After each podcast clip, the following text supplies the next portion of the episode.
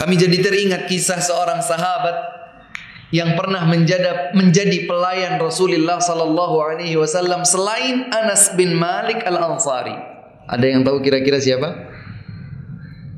Yang terkenal memang Anas bin Malik Al-Ansari radhiyallahu anhu mengabdi menjadi pelayan Rasulullah sallallahu alaihi wasallam selama tidak kurang dari 10 tahun. Ada sahabat yang lain yang juga pernah menjadi pelayan Nabi Muhammad sallallahu alaihi wasallam. Siapa beliau? Ada yang tahu? Bukan.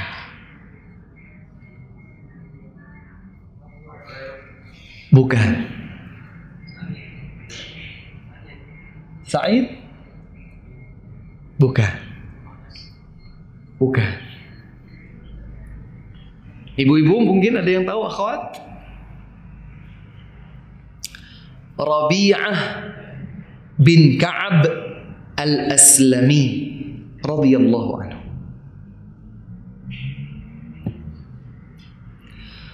Beliau adalah sahabat yang sangat bahagia kalau kedua matanya telah melihat Nabi Muhammad sallallahu alaihi wasallam. Beliau termasuk ahlus suffah ya bersama dengan Abu Hurairah dan sahabat yang lain. Tergolong sahabat dari kalangan menengah ke bawah dari sisi ekonomi. Sehingga beliau termasuk salah satu ahlus suffah. Seseorang atau orang-orang yang diberikan kesempatan oleh Nabi Muhammad sallallahu alaihi wasallam untuk tinggal di bagian belakang masjid karena mereka adalah fakir miskin.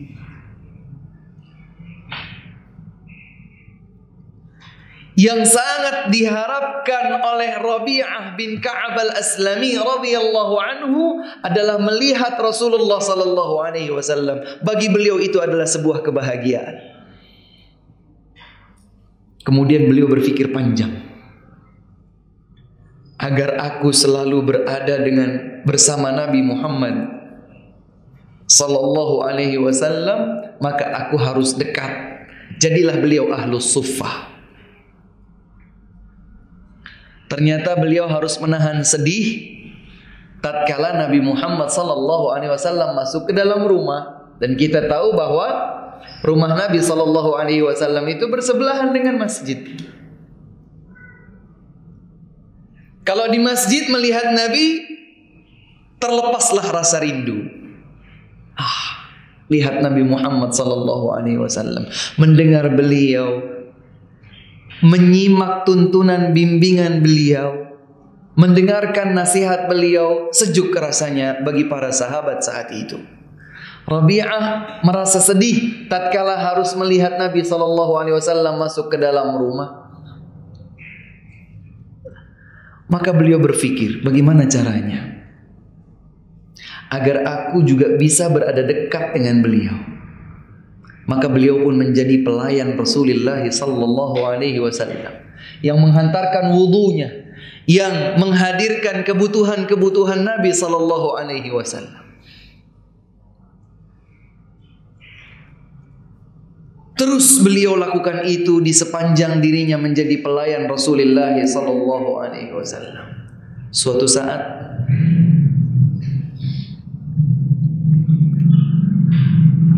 Setelah Nabi Shallallahu Alaihi Wasallam diberikan air wudhu untuk beliau berwudhu sesaat sebelum salat, kemudian Nabi Muhammad Shallallahu Alaihi Wasallam berkata kepada Rabi'ah, wahai Rabi'ah, mintalah sesuatu dariku. Masya Allah, ada tawaran nih. Tawarannya bukan main-main dari manusia terbaik di sisi Allah Subhanahu wa taala dan dia adalah Rasulullah sallallahu alaihi wasallam. Mintalah sesuatu dariku.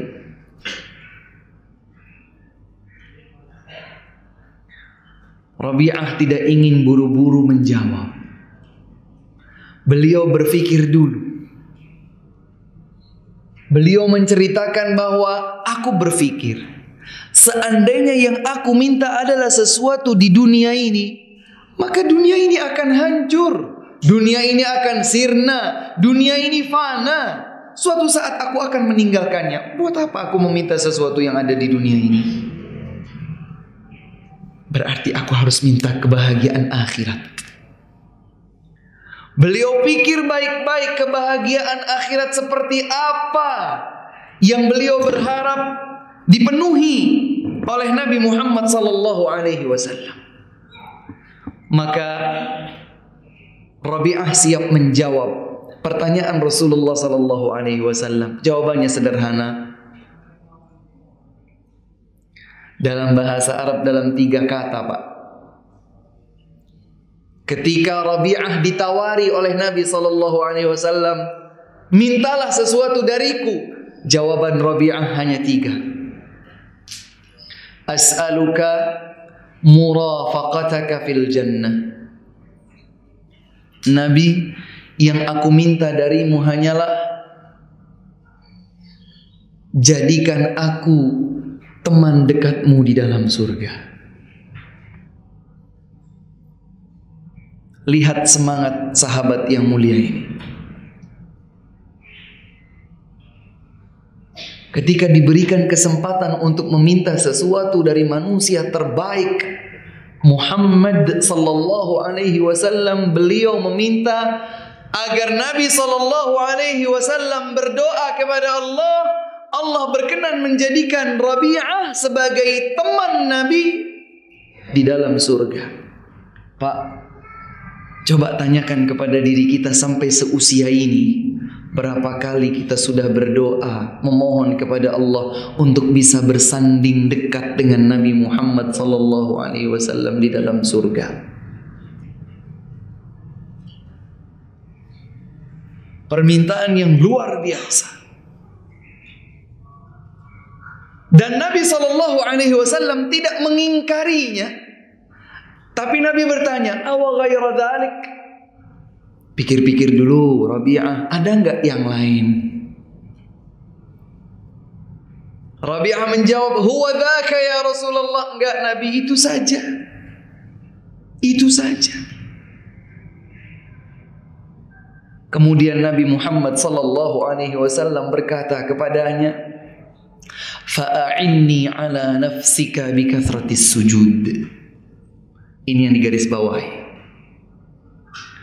Kalau memang engkau ingin bersama denganku dekat di dalam surga, aku akan berdoa kepada Allah namun bantu doaku dengan cara engkau sendiri memperbanyak sujud, memperbanyak salat kepada Allah Subhanahu wa taala. Surga bukan diraih hanya dengan berpangku tangan. Saya sudah doa minta surga kemudian begini tidak. Nabi Muhammad sallallahu alaihi wasallam mengajarkan kita bahwa meraih surga Allah harus dengan kegigihan, harus dengan kesungguhan, harus dengan perjuangan, harus dengan pengorbanan.